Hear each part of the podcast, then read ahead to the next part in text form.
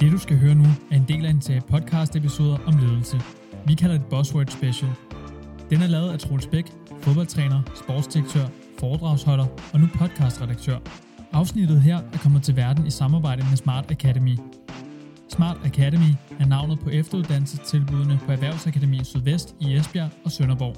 Serien bliver udgivet eksklusivt på smartacademy.dk, inden den senere kommer hos podcastmediet Mediano. Her skal du holde øje med kanalen Mediano Magasinet.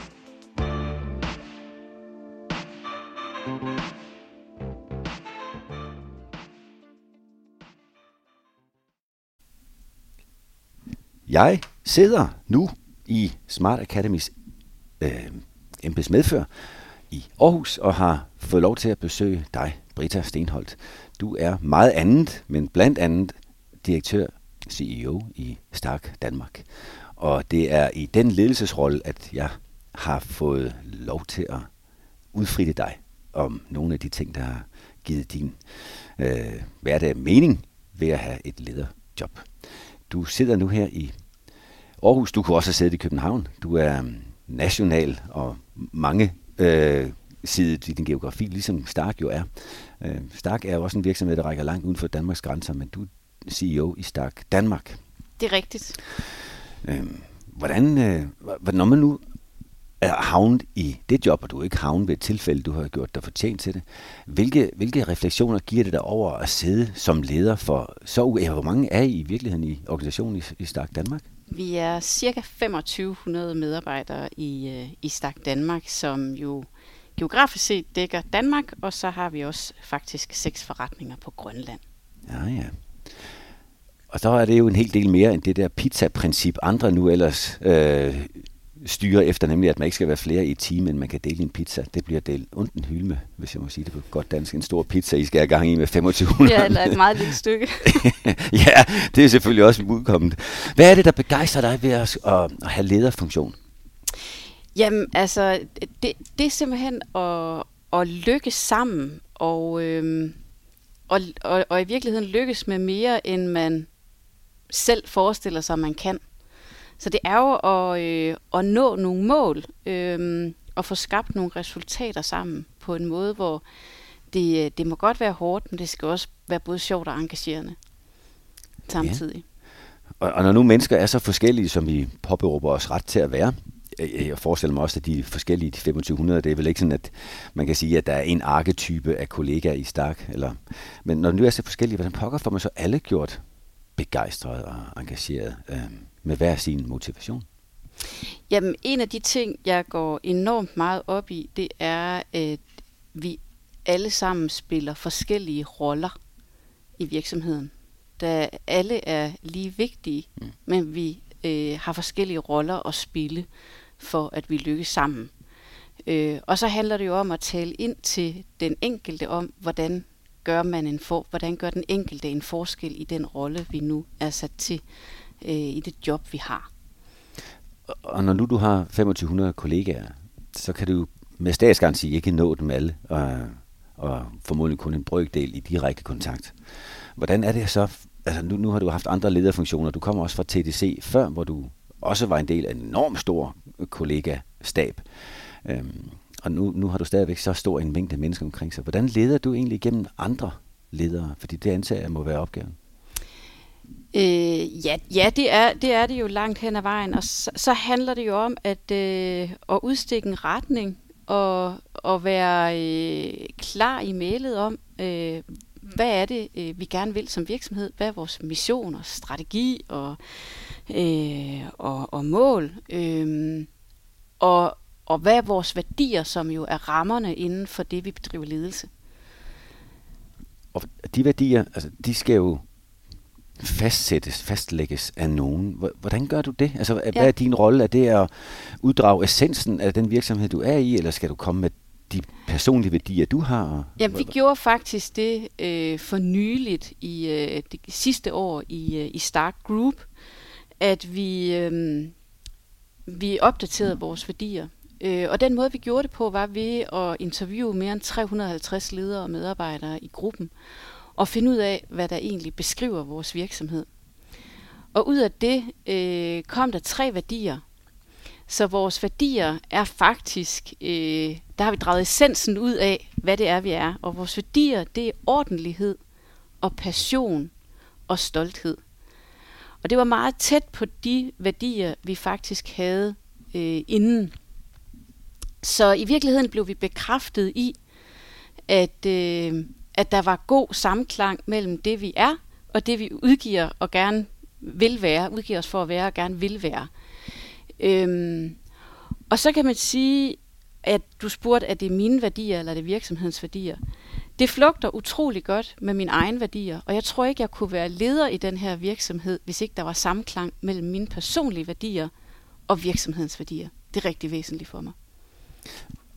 Og den helt ultimative øh, nirvana i det her, det er jo så, hvis alle 2500 kan genkende sine egne værdier i for eksempel de tre bærende værdier, du har nævnt for, for mig her, ordentlighed, passion og stolthed. Øh, jeg, jeg har tidligere snakket både med Michael Trolle og Hedegaard Hein, som begge to har været deres take på motivation herunder også låner fra Ryan Adisis beskrivelse af, når den er fuldt integreret, når der er sammenfald mellem virksomhedens værdier, grundlæggende idéer og ens egne, så er det adgangen, porten ind til den højst mulige motivation. Øhm, når nu du kommunikerer for eksempel de tre værdier ud, og sjovt nok får den kommunikeret tilbage igen i den store undersøgelse, I får lavet, øhm, på hvilken måde får I, altså, det er min første tanke omkring ledelses, øh, værdibaseret ledelse, det er, at der er jo en masse mulige forskellige tolkninger af, hvornår at man er ordentlig.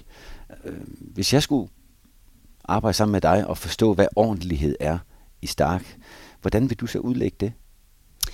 Ja, vi, helt lavpraktisk, så gjorde vi faktisk det, at vi, vi lavede sådan en lille, en lille bog, øh, da vi lavede det sådan, at vi også beskrev øh, værdierne i handling. Mm. Hvad betyder det i handling? Hvad betyder det, og, og hvad betyder ordentlighed?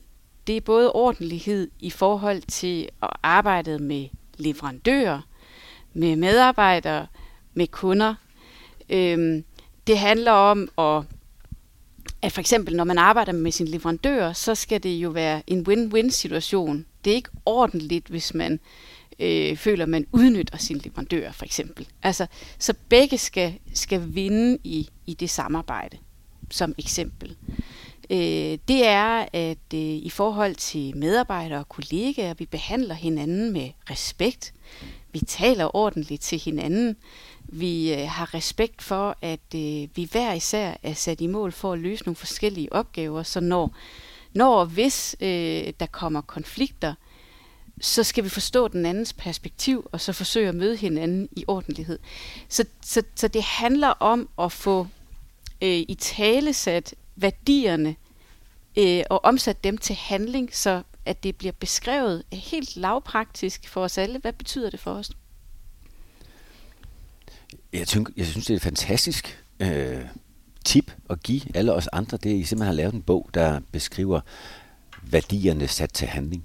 Øh, og på de forskellige arenaer, man nu arbejder i i Stark, altså over for de primære kontakter og hele vejen ned igennem værdikæden. Det synes jeg giver utrolig god mening. Kan vide, hvor mange der, der gør det i sin hverdag? Det behøver du ikke kunne svare på, det er jo bare en, en, en nysgerrighed, jeg har, fordi jeg synes jo, faldgruppen i værdibaseret ledelse meget tit ender med, at øh, så har jeg min tolkning, og jeg synes selv, at det er relativt ordentligt, når jeg gør ditten, hvorimod du måske havde en større forventning til datten øh, i den ligning.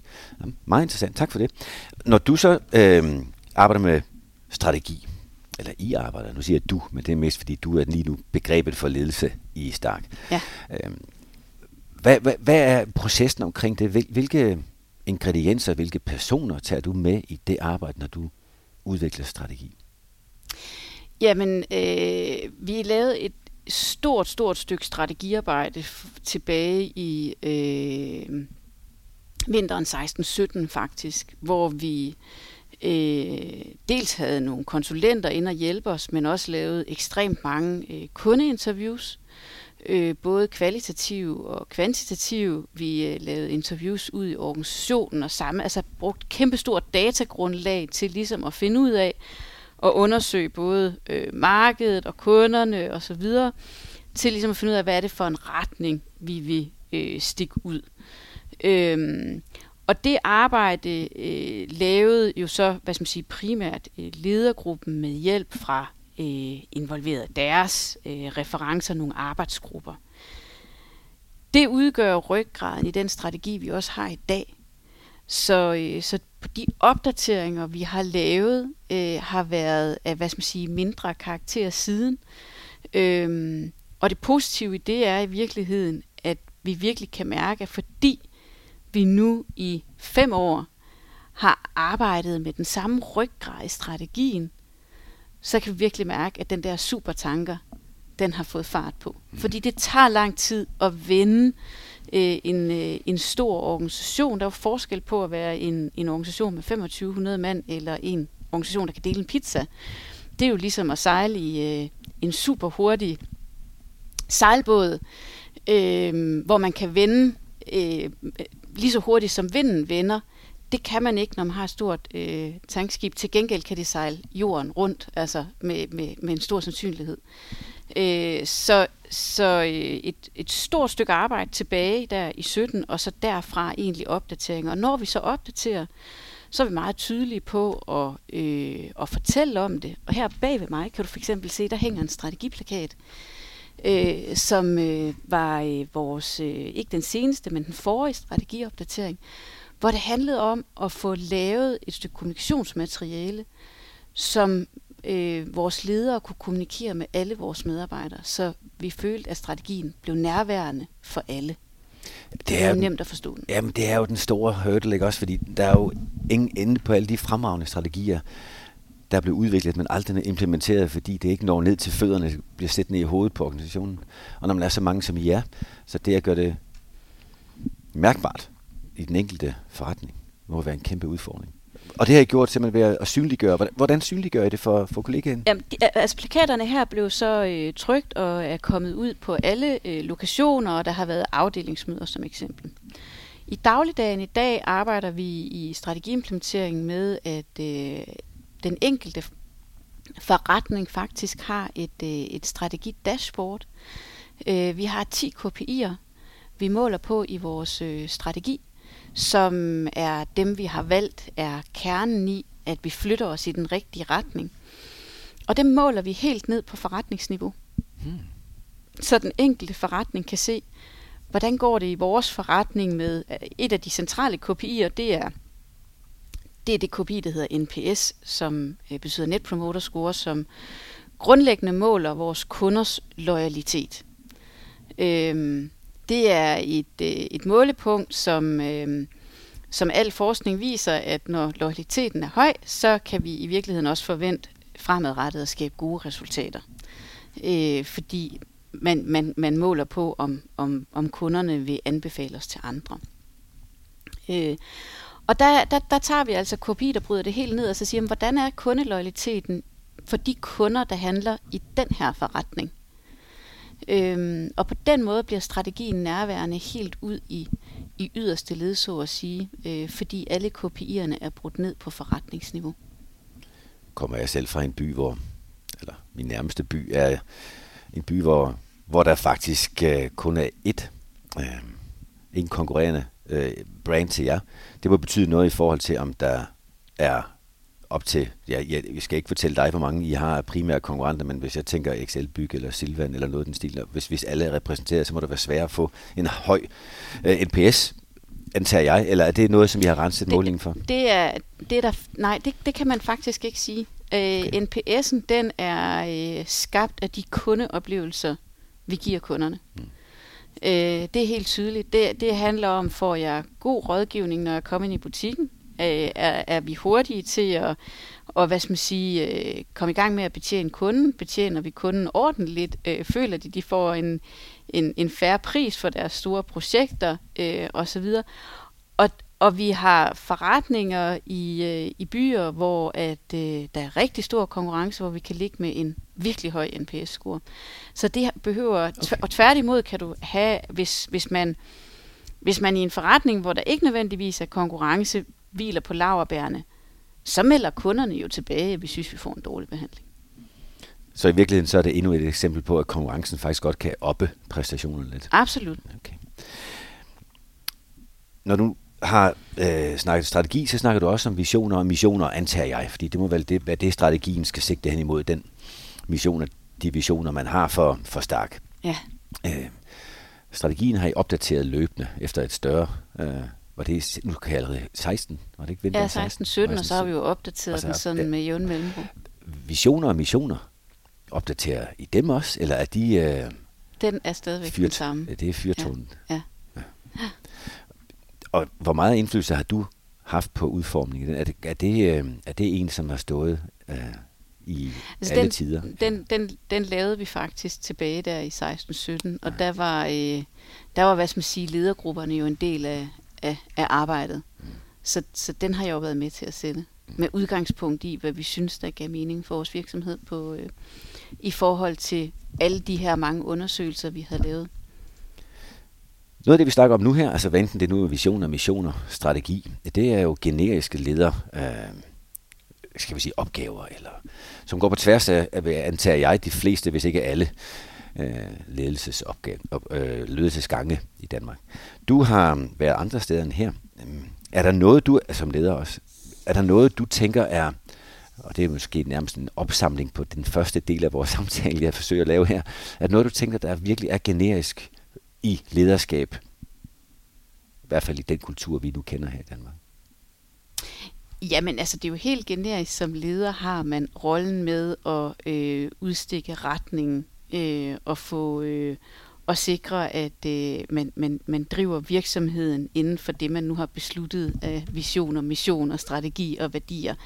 Øhm, og i det ligger der jo en, øh, en stor kommunikationsopgave, som, som også er, øh, er generisk. Øhm, og som jo, øh, jo i virkeligheden også her i, i forbindelse med øh, den sundhedskrise, der udbrød for, øh, for, for lidt over et år siden, blev virkelig, virkelig tydelig, øh, hvor vigtigt det var at, øh, at kommunikere, fordi at øh, der skete så mange forandringer på så kort tid, øh, som, øh, som alle øh, danske virksomheder skulle navigere i, der krævede, at øh, der skal man altså være på broen øh, og fortælle, øh, hvor, hvor vi er på vej hen.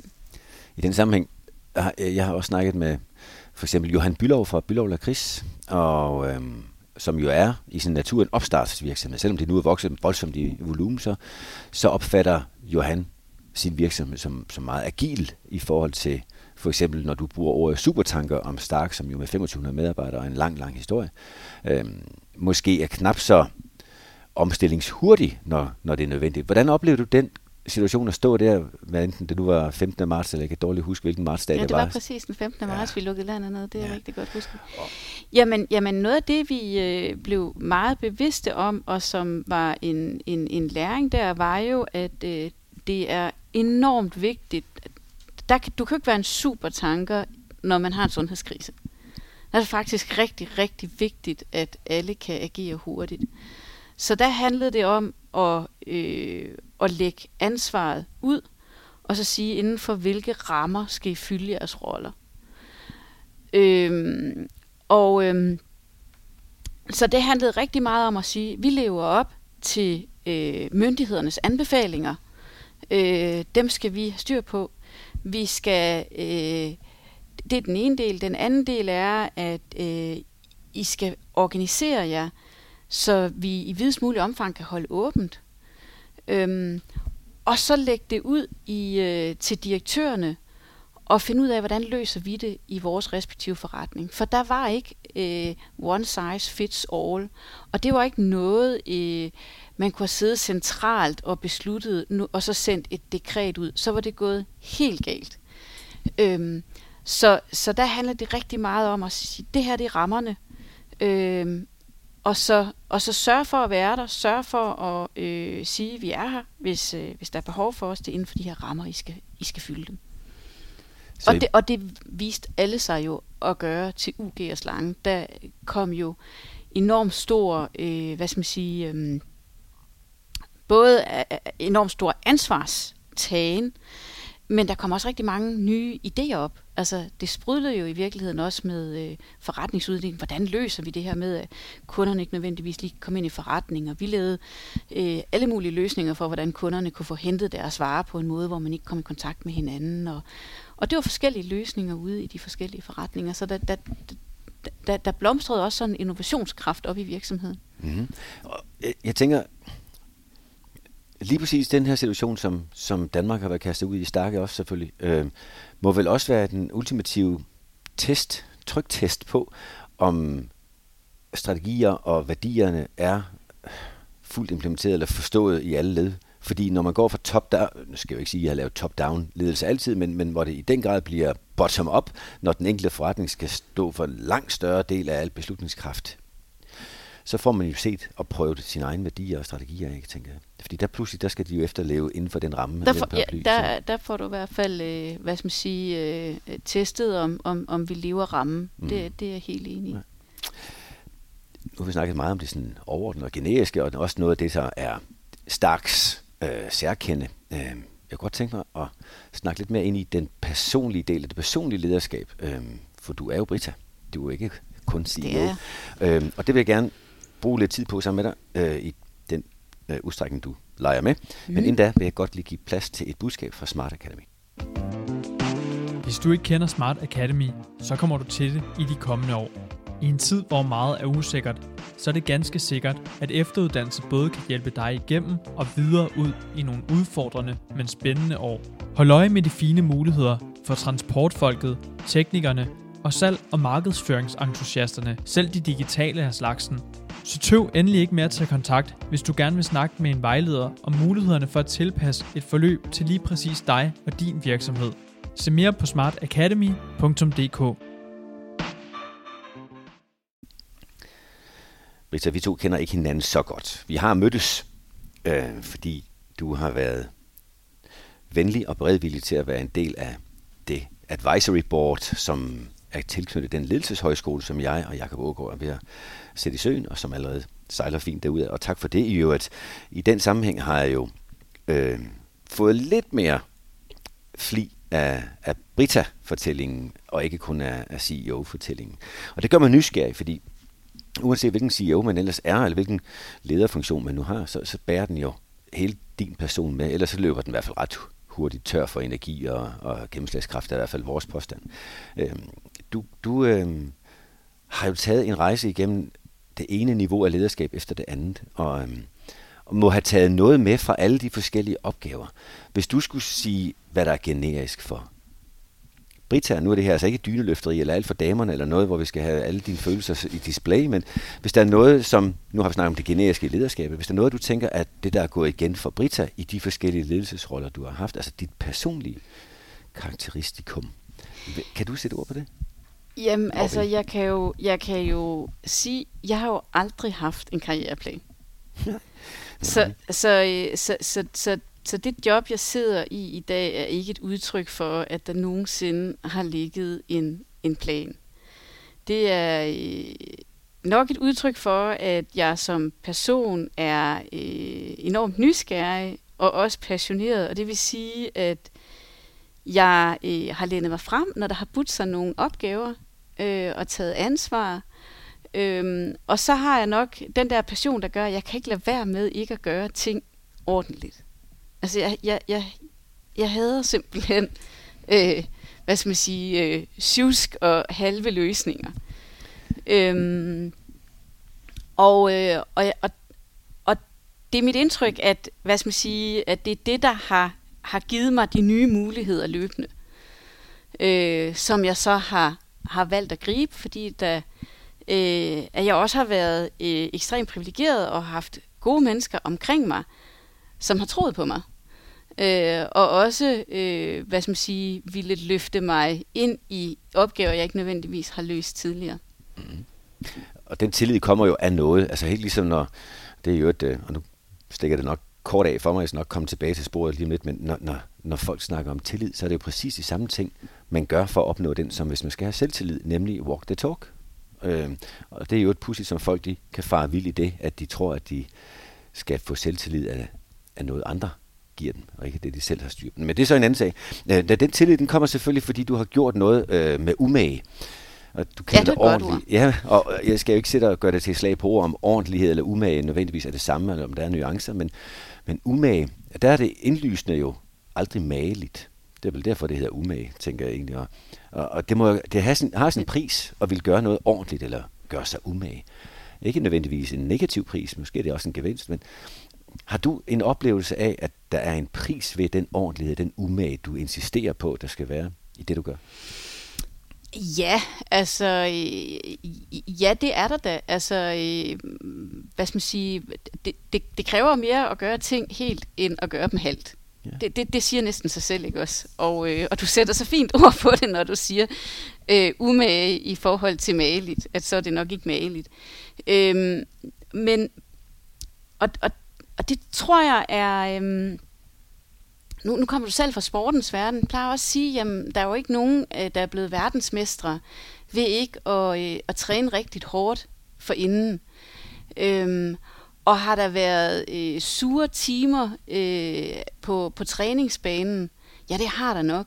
Har glæden været øh, endnu højere, når man har nået det, man gerne vil?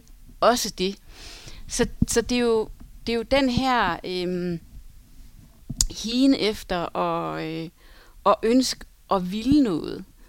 Øh, og at så må det også godt, øh, det, må, det må godt gøre ondt indimellem. Det skal også være sjovt. Det må ikke kun være det ene. Der skal være mange gode oplevelser på vejen. Men, men det at tro, at, at det kan være maligt hele vejen, og man så kan nå øh, ekstraordinære resultater, det tror jeg personligt ikke på. Så er vi to, kan jeg så afsløre. Og jeg tror det også, at, at det er det, som øh, alle, som ikke har en lotto-mentalitet, så tror at hvis man bare én gang rammer Ja, jeg har så også læst matematik, så jeg spiller slet ikke lotto. Nej, og den eneste, der garanterer succes, det er dem, der udbyder præmien, det ved jeg. øhm, ja, ja, nu skal det jo dreje sig om mest om dig, men bare for at sætte mig lidt i spil også. Jeg kender jo fornemmelsen af at arbejde meget intenst, og når man gør sig umage, så bruger man også mere tid, som du siger. At gøre ting halvt er måske hurtigere overstået, end at gøre ting helt. Og når man gerne vil gøre ting helt, så tager det også en hel del tid. Øh, og nogle gange også en hel del fart, hvis man skal nå sine mange ting. Øhm, jeg ved jo, for det har du fortalt mig, at du også har relativt mange ting på din tallerken. Ikke mindst i en tid, hvor jeg, jeg kan forestille mig, at alle Stark løber stærkt, fordi det jo er opsvingstider, og I har ja. godt nok mange kunder, der vil have meget, også hurtigere, end det kan leveres. Men når man gør noget så hurtigt, intens, stærkt, helt med umag, så kan man nok godt ende med at tilpasse sin person til de gøremål, man har. Altså til det job, man skal nå at bestride, fordi det skal gøres i et eller andet tempo. Øhm, har du oplevet, nu skal jeg tilbage til dig, har du oplevet det øjeblik, du kommer til en gang med at kigge tilbage over skulderen og sige, hov, øh, er det her det, som jeg står tilbage med, at mit oprindelige jeg, det jeg gerne vil være mere af, har jeg måttet aflevere noget af det, der egentlig engang var det dyrebare, for at kunne opfylde de krav og de betingelser, der er i at levere på så højt niveau, i så stort et job, med så meget på tallerkenen? Og jeg tror, det vil være øh, forkert at sige, at det har man aldrig gjort. Øhm, men, men jeg tror, det er vigtigt at vide, hvordan finder man ind til kernen. Altså, så, så, så man kan sagtens blive sådan svinget lidt ud af den, men det er også vigtigt at vide, hvordan finder man tilbage. Øhm, jeg synes ikke, at øh, hvad skal man sige, det har betydet meget for mig, at jeg ikke har skulle gå på kompromis med, øh, med mine værdier, eller det, jeg tror på.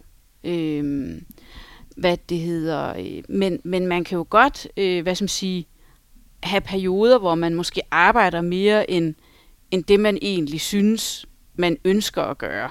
Og så skal man finde tilbage. Altså, så, så, så, så, så jeg tror sådan, øhm, jeg kan ikke svare nej til dit spørgsmål, øhm, fordi jeg har helt sikkert øh, været øh, ude i situationer, hvor man bevæger sig væk, men det er bare enormt vigtigt at vide, hvordan finder man tilbage til sin kerne. Og det er jo også, åh, tak for det. Og øh, du, du hjælper mig lidt til at stille, måske forhåbentlig lidt bedre, i hvert fald mere øh, det, jeg ville stille som spørgsmål, fordi øh, det andet kunne også lyde, som om jeg var på ude på at få at vide, hvad har det så kostet? Hvor har det kostet? Det er ikke det, jeg er på ude, ude på, øh, kigge efter. Det er netop det, du siger, det er at kunne finde tilbage til sit balancepunkt, og ikke gå på kompromis. Øhm, hvis nu, jeg kalder det måske et anker, et anker, et personligt anker, som gør, at man godt kan levere i ekstrem høj øh, leverancetempo, og stadigvæk vide, hvor man har sit ståsted, øh, så man ikke helt taber sig. Præcis. Øhm, har du anelse om, og hvis du har, vil du dele, øh, hvad dit anker egentlig er i, i det, jeg forestiller mig også er en centrifuge af, af intens gørmål, du har her. Ja, jamen, altså, jeg tror altså, som, som den, den der, øh, hvad skal man sige, øh, ordentlighed, altså, jeg er jo, øh, jeg er jo, jeg er jo faktisk vokset op i, øh, også i en, en familie, hvor mine bedsteforældre var forholdsvis religiøse, så jeg er jo, jeg er jo vokset, vokset op i en, jeg vil ikke kalde det en religiøs familie, men stadigvæk en kristen familie. Jeg har gået søndagsskole og i kirke, og, og så den der øh, ordentlighed betyder enormt meget for mig, ligesom at øh, det betyder rigtig meget for mig, at, øh, at mennesker grundlæggende er lige. Mm. Øhm, og det, det tror jeg er meget af, af min kerne, som, som jeg ikke ønsker at, øh, at gå på kompromis med. Men det ændrer ikke ved det faktum, at jeg har en rolle i den her virksomhed, med hvilken der følger et ansvar. Ja. Forstået på den måde, at så kan man jo ikke afskrive sig det, og så sige, det er der nogle andre, der må tage sig af. Nej, men, men og ansvar, øh, tænker jeg, for alle os, der bliver øh, genstand for nogens ansvar og ledelsesret, er jo lige præcis det er allermest afhængig af, at der er noget ordentlighed. Altså, hvis man har ansvar, så skal man det onden hylde med os have sit, sin ordentlighed på plads, for ellers så er det jo grusomt, hvad man kan udrette med, med indflydelse og ansvar. Ja, enig. Og det ansvar har du selvfølgelig primært over for dig selv, og, og så jo et stærks visioner og missioner. Ja, ja, det har jeg jo for alle, som, øh, som jeg, øh, hvad skal man sige, har, har, jeg har i min ledelse, øh, synes jeg.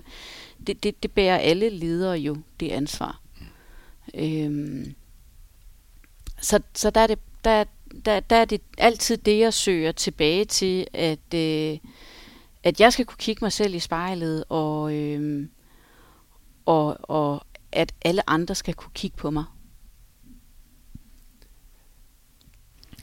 Øh, jeg har hørt dig sige engang, at da du skulle tiltræde stillingen som CEO i Stark Danmark, der øh, fik du at vide, at jamen, du har jo alle evnerne. Altså hvis du sagde tidligere, at du nogle gange blev med den tillid, folk viste dig, uh, sat i funktioner, hvor du ikke selv havde erfaringen for, hvordan man plejer at gøre det, så har de alligevel vist sig tillid. Um, og jeg hørte også, du fortalte, at du fik at vide, når nu du har alle evnerne, så skal du bare huske én ting og lære én ting.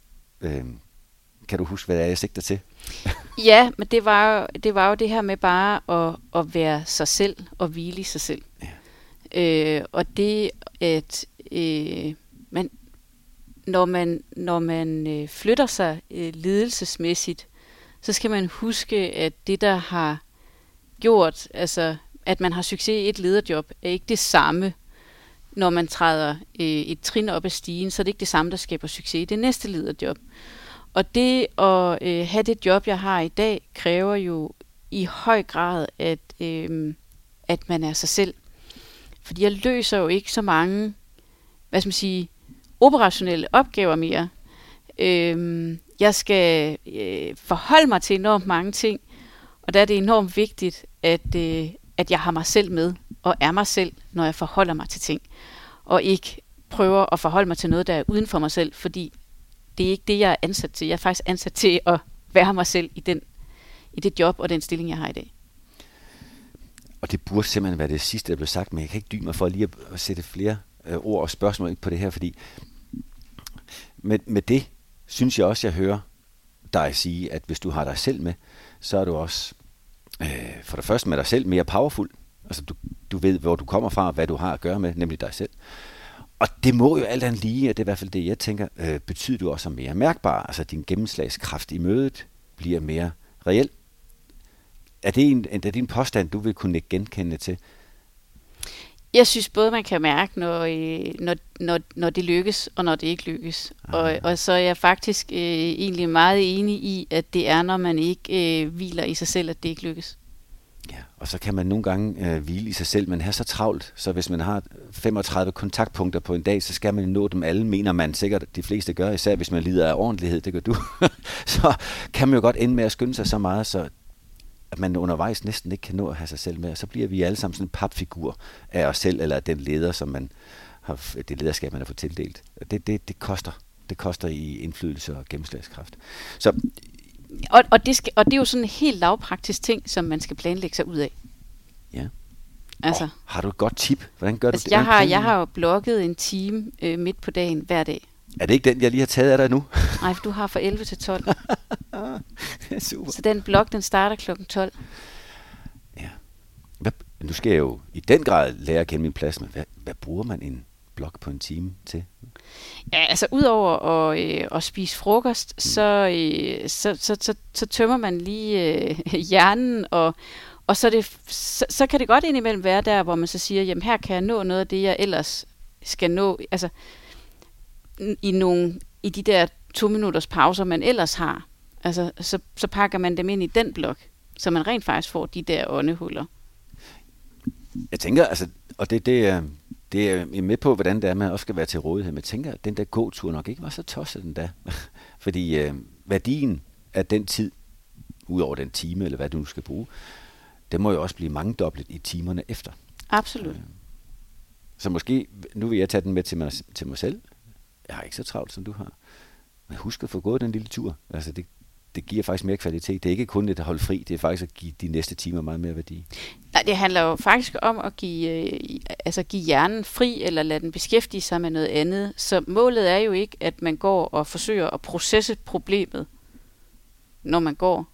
Det er faktisk at få hjernen væk fra det. Ligesom, det er jo også derfor, vi siger, at vi skal sove på et problem.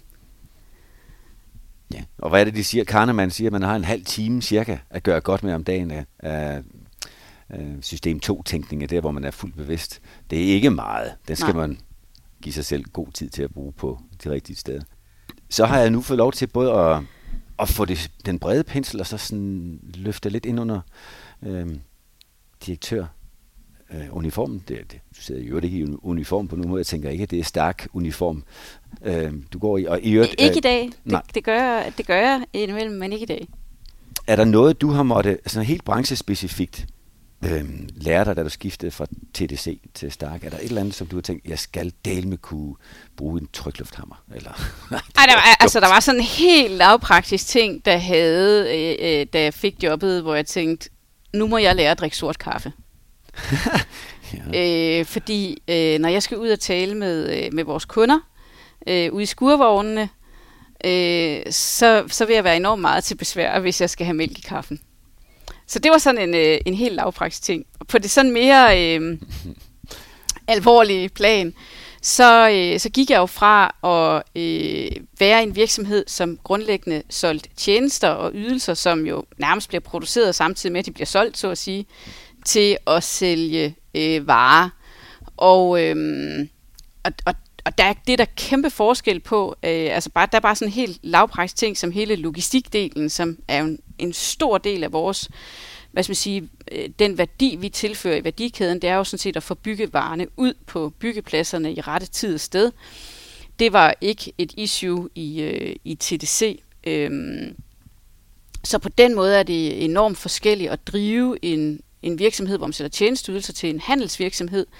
Øh, pulsen er, selvom at pulsen er enormt høj i telebranchen, så er pulsen jo endnu højere i en handelsvirksomhed, hvor det første, man gør, når man tjekker ind om morgenen, det er at tjekke øh, salgstallene for gårdsdagen. Øh, så, så, så, så det er meget forskelligt. Kulturmæssigt øh, har jeg også oplevet en, øh, en stor forskel. Øh, det var, øh, der, der er sådan en meget direkte kultur i, øh, i, øh, i Stark, og det øh, sætter jeg enormt stor pris på, fordi man ved altid, hvor man har folk, om de er enige eller uenige.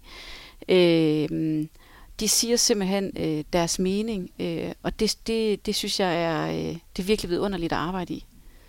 Øh, men man skal selvfølgelig lige, øh, hvad skal man sige, lære det, når man kommer ind, at øh, hvis folk de reagerer, så, øh, jamen, så er det bare et spørgsmål om, at de siger deres mening, og, øh, og så er vi videre bagefter. Det var en anden måde, end det jeg kom fra. Øh, men jeg sætter virkelig stor pris på det. Altså, kommer det lidt forbudte spørgsmål her. Er det, er det, tror du, at det stammer fra branchen? Altså det, at det er øh, ja, en reel fysisk vare til folk, der skal ud og bruge den med sine hænder, snarere end en service, som det var i TDC? Tror du, det er branchedefineret den mere ja, kontante, mere direkte tone? Eller er det, nu kommer det farlige spørgsmål, er det fordi, der bare traditionelt er meget mere frekvens af testosteron end østrogen i, i byggeindustrien? Jeg, jeg tror, det er det første, øh, snarere end det sidste. Altså, øh, man skal... Det, vores kunder, når de har brug for os, og når de handler hos os, så er det typisk sådan, at øh, de skal bruge det i morgen. Og hvis ikke de får deres varer i morgen, så kan de have øh, fem tømmer eller to murer stående på en byggeplads, der ikke har noget at lave.